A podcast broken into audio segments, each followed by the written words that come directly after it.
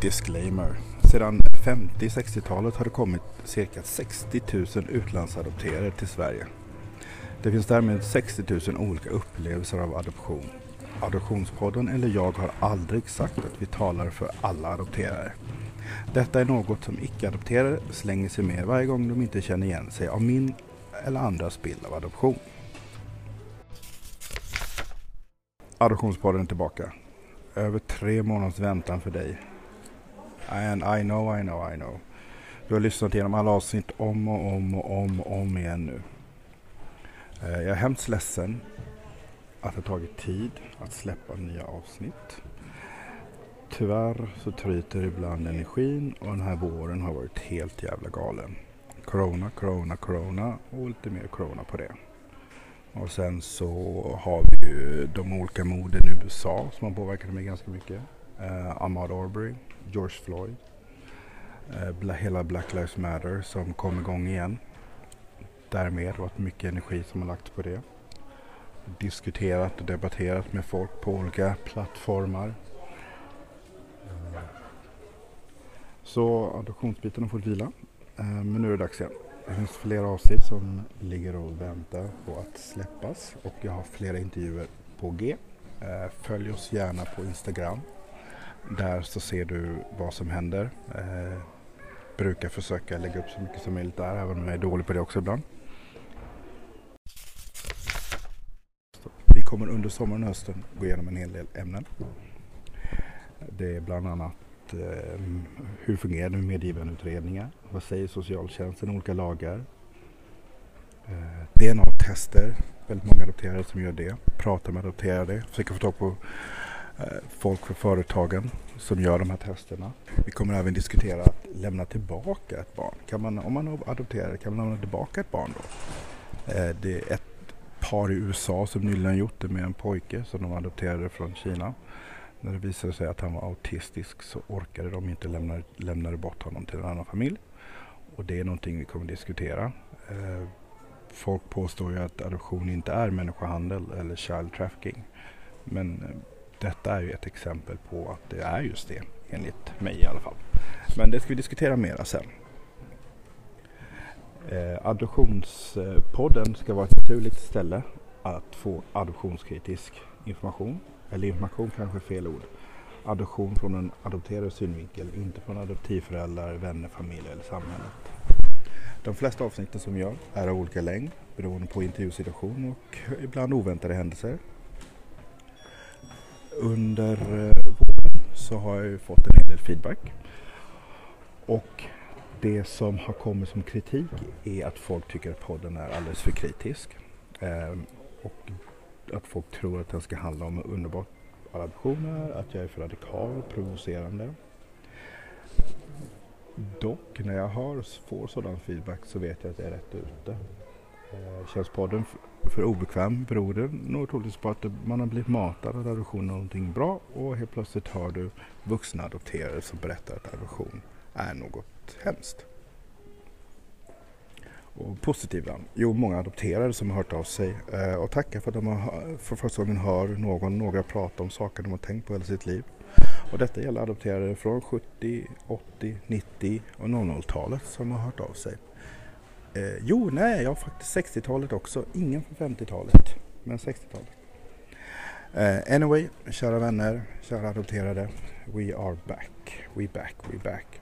Så vi börjar med ett litet klipp ur en intervju som jag gjorde i våras med Monica som är adopterad från Indien till Sverige. Och nästkommande dagar så kommer efterföljande delar utav den intervjun som jag gjorde med Monica. Eh, och jag vill varna eh, mina kära lyssnare för att det kan vara en hel del känsliga saker som pratas om i avsnittet. Jag Eh, och med det vill jag säga eh, ha en fin dag, kväll, natt, morgon. Och eh, sprid gärna Adoptionspodden om du tycker att jobbet vi gör är bra.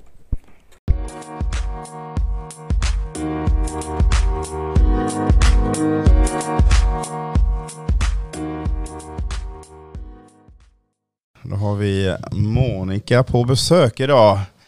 Eh, Adoptionspodden och eh, Idag har vi eh, en speciell gäst. Idag har vi Monica Curling, eller vad var det? Körling. Körling. I alla fall, eh, men vad trevligt Monica. Tack för att du ville komma och bli intervjuad. Jag har varit på Monica sedan dag ett att hon borde komma, sen jag insåg att Monica är adopted. Mm. Ja. Och vilket land är du ifrån Monica? Indien. Okej. Och hur gammal är du? 18. Hur gammal var du när du kom till Sverige? Jag skulle precis fylla um, åtta. Åtta, okej. Eh, som ni då förstår så har ju Monica en lite annorlunda mm, historia än oss andra som är adopterade, med att hon var så pass gammal, om man kan säga så, när hon kom till Sverige. Eh, hur var vad kommer du ihåg, för åtta år, då kanske du kommer ihåg en hel del ja, tiden? hela mitt liv. Du gör det? Du Ja. kommer ihåg vad, vad som hände? Oh, kalla var de också nu. Ja, de är från Kina. Ja men vanligtvis brukar jag inte få kalla, då brukar vara varma. Ja, men vi hade inte satt in. Ja. Eh, det är energidryck, inte öl. Eh, berätta lite om eh, ditt tidigare liv innan du kom hit och, och eh, vad, kommer du ihåg din känsla inför att flytta till Sverige? Vad tänkte du? Va, vad sa folk bara? Hej, nu ska du till Sverige eller vad, hur, hur funkade det? Alltså, um, jag kom ju från en fattig familj. Mm? Um, vi hade inget hem. Vi bodde i en tält från början. Och eh, sen så... Min, jag fick ju tigga pengar varenda dag. Eh, min pappa tvingade mig det. Och eh, hade jag inte samlat ihop mycket pengar så slog han mig. Mm. Och ehm, min, mina föräldrar bråkade mycket. Och när de bråkade så brukade de alltid skylla på mig. Hade, du fler syskon eller var det bara du då? Det var bara jag. Okej.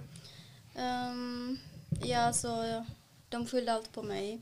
Och ehm, det var en dag då jag hade bestämt mig för att jag skulle rymma. Men eh, den gången så hittade min mamma mig. Okej. Och eh, jag gjorde ett annat försök. Eh, Och, försök- och, och då var du typ 7-8 år gammal då när du Jag gjorde? var ju typ sex eller fem. Jag var, i alla fall, där- jag var i alla fall medveten om vad jag var med om. Och, eh, så jag gjorde ett nytt försök. Jag kanske var sex år då. Ehm, jag skulle tigga pengar och så var vi på ett tågstation med min pappa. Och ehm, jag fick bara den där känslan att jag ville rymma. Så det gjorde jag. Och sen så blev jag ehm, hittad av eh, någon familj. Och de tog hand om mig och jag fick också veta att eh, just då så försökte min pappa leta efter mig. Men jag, jag vågade inte komma tillbaka till honom. Så de typ slängde ut honom och jag träffade honom aldrig mer. Och eh, sen så fick jag börja jobba för dem, för den här familjen ett tag. Men jag trivdes ändå inte med situationen så jag rymde igen. Okej. Jag har rymt många gånger i mitt liv. Okej. Det Runaway Monica. ja. Um, ja, sen så blev jag upphittad av, ehm, eller jag var på rymmen ett tag och sen så blev jag, um, det var en man som försökte ehm, ta hand om mig. Han sa till mig att jag skulle komma till honom men jag var lite rädd. Men jag hade gått runt och runt ett tag så, och sen så orkade jag inte gå längre. Så jag tänkte jag kanske kunde gå till honom ändå. För jag hade, jag hade ingen mat, jag hade ingen familj. Um, jag fick sova över hemma hos honom en dag.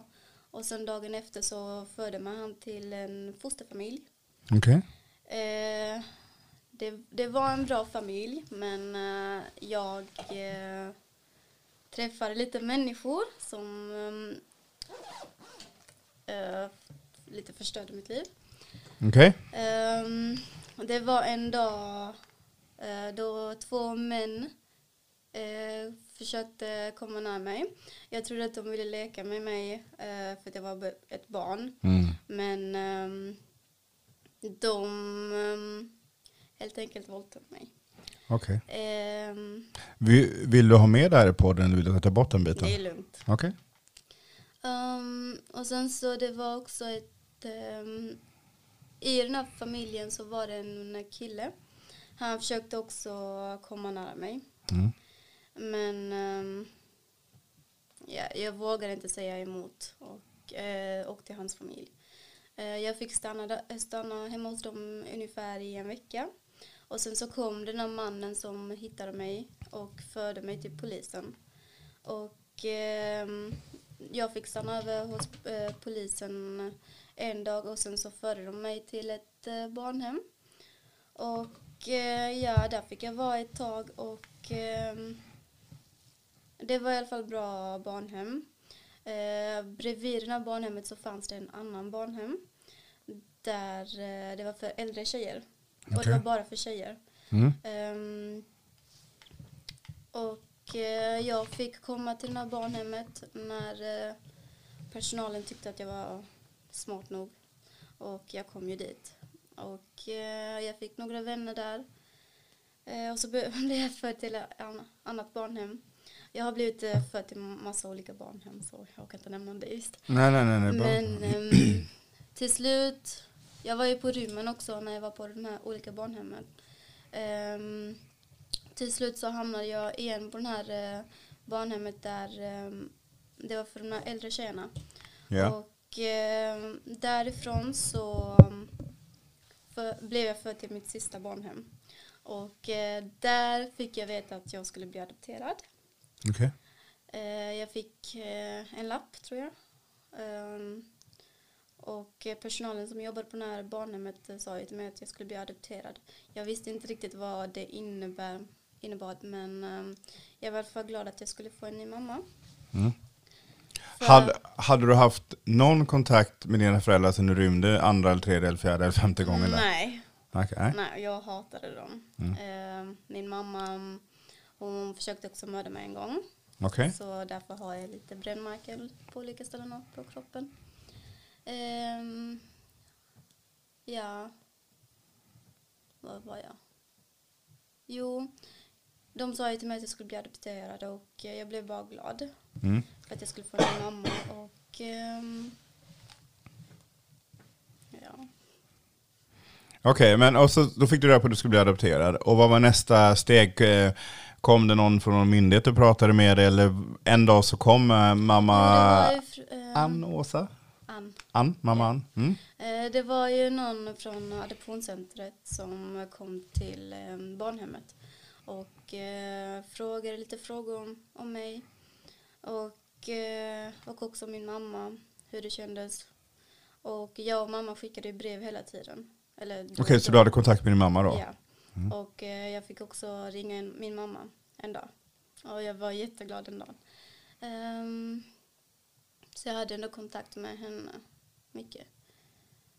Mm, och sen så kom jag till eh, Sverige 2009 eh, i november. Och ehm, jag var ju sju då. Jag skulle eh, fylla åtta samma månad.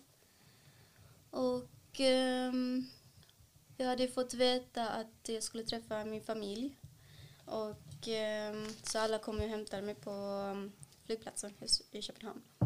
Ehm, ja, vad med? Eh, jag såg ju snö. Det var ju ett nytt, det var en nytt grej för mig. Mm. Eh, men det fanns ju en, en, inte så mycket snö just då. Ehm, men ja. Okej, men eh, så, så ehm, då en dag där då så fick du reda på att du skulle bli adopterad och du fick träffa folk som pratade om det. Du hade ändå lite kontakt med din mamma.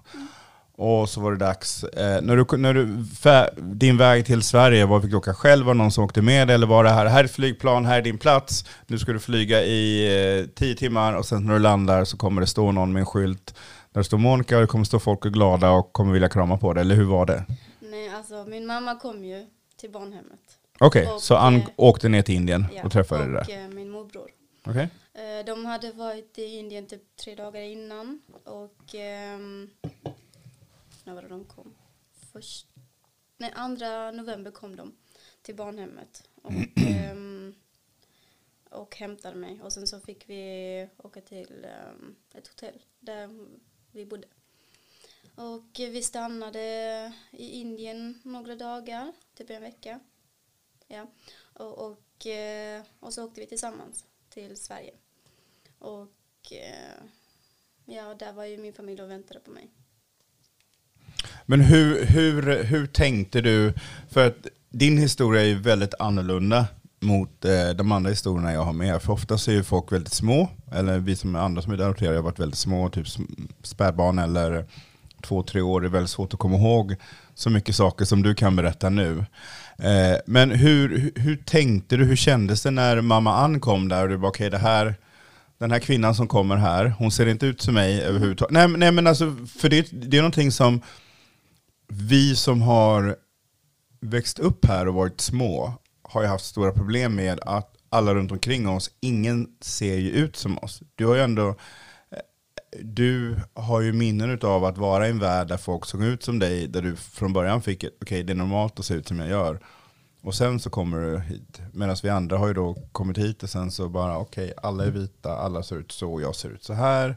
Vad är det som händer? Hur var det att se, okej, okay, här kommer en blond vit kvinna och det är henne jag ska, ska leva med nu i... Eh, Alltså för mig, um, jag var bara glad att, jag såg ju min mamma uh, från andra våningen från barnhemmet. Och ja. um, jag såg att det kom en sån autoriksha uh, till barnhemmet.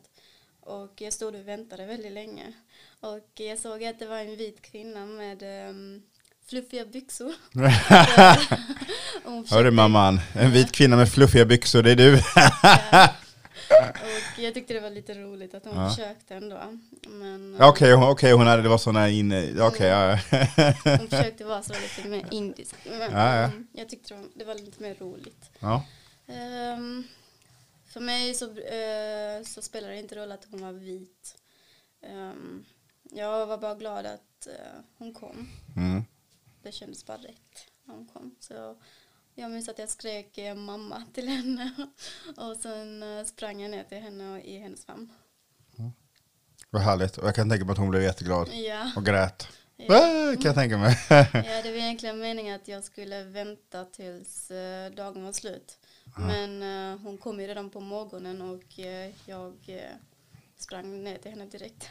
Ja, ja jag tycker det är häftigt. Eh, någonting som eh, många, eller jag är ju väldigt kritisk till adoption, men samtidigt så kan man inte vara kritisk till all adoption, speciellt inte, speciellt inte i, i, i ditt fall. Och också, jag har ju träffat på mamman här och eh, det som är är att många tror ju att jag är kritisk och inte gillar adoption så att jag hatar och ogillar alla adoptionsföräldrar, adoptivföräldrar. Men så är det ju inte. Plus att jag har ju även träffat din mamma. Mm. Och man kan ju, man, med vissa människor så ser man ju och känner ju av deras, eh, vad ska man säga?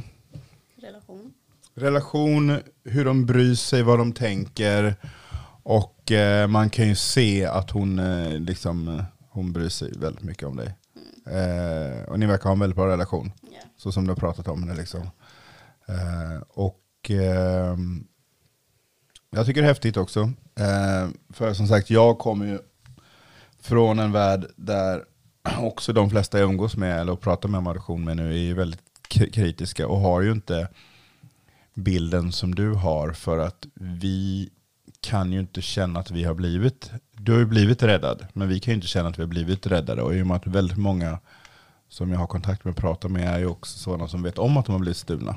Mm. Och det är en annan sak mot att, eh, eh, att leva det livet som du har levt. Yeah. Eh, hur...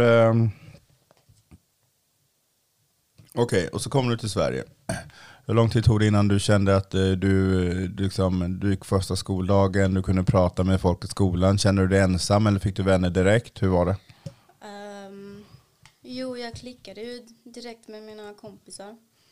Uh, men det var, det var ju lite svårt att förstå vad jag skulle göra för det var ett nytt um, land med um, man skulle, allt var an, annorlunda från Indien. Uh, till exempel när man skulle äta. Jag uh, förstod inte riktigt hur man skulle äta med um, gaffel. Och uh, för i Indien så äter man med händerna oftast. Ja. Och jag minns att vissa gånger så åt jag um, med händerna. Och alla kollade på mig och jag fattade inte varför riktigt de kollade på mig. Och um, de det var ju ungefär en månad min mamma var med i skolan. Och jag fick ju börja på påsken. Mm. Eh, innan det så fick jag ju vara hemma med mamma. Men eh, jag fick både, eh, de hade inte riktigt bestämt vilken klass jag skulle gå i. Mm. Så jag fick gå lite både i ettan och tvåan. Mm. För att jag var, jag var lite smart just i engelskan. Så um, jag fick Just det, du kunde ju kommunicera, du, kunde, du, du, du Ja. hade engelskan med dig så du, Ja. så du kunde ändå, och, ja, då blir ju allting mycket, mycket lättare ja. Så alla. jag fick ju snacka eh, på engelska med mina kompisar. Mm. Ja. Så det var Okej. lite roligt. Ehm, eh, Okej, Vad- som ni hör, jag är inte van vid sådana här intervjuer i och med att inte så här intervjuerna brukar gå till och brukar vara, vilket är bra och vilket är, är lärorikt eh, för oss alla som lyssnar tror jag också, som brukar lyssna på, på avsnitten. Ehm, vad, har, du, har du någon kontakt med din, eh, din indiska mamma idag? Nej. Nej. Och det, är- du har valt själv att du vill inte ha eller du, du har tappat kontakten, du vet inte var hon är eller vad, hur? Saken är, jag vill ju kunna hitta henne, men jag vet ju inte. Jag vet inte vad hon heter. Jag vet inte var hon bor. Eh, jag har inte haft någon kontakt med henne efter att jag har rymt. Okej. Men du hade kontakt med henne för ni skrev brev till varandra? Jag snackar med min svenska mamma. Okej, det var din svenska mamma du skrev brev Ja. med? Jaha, okej.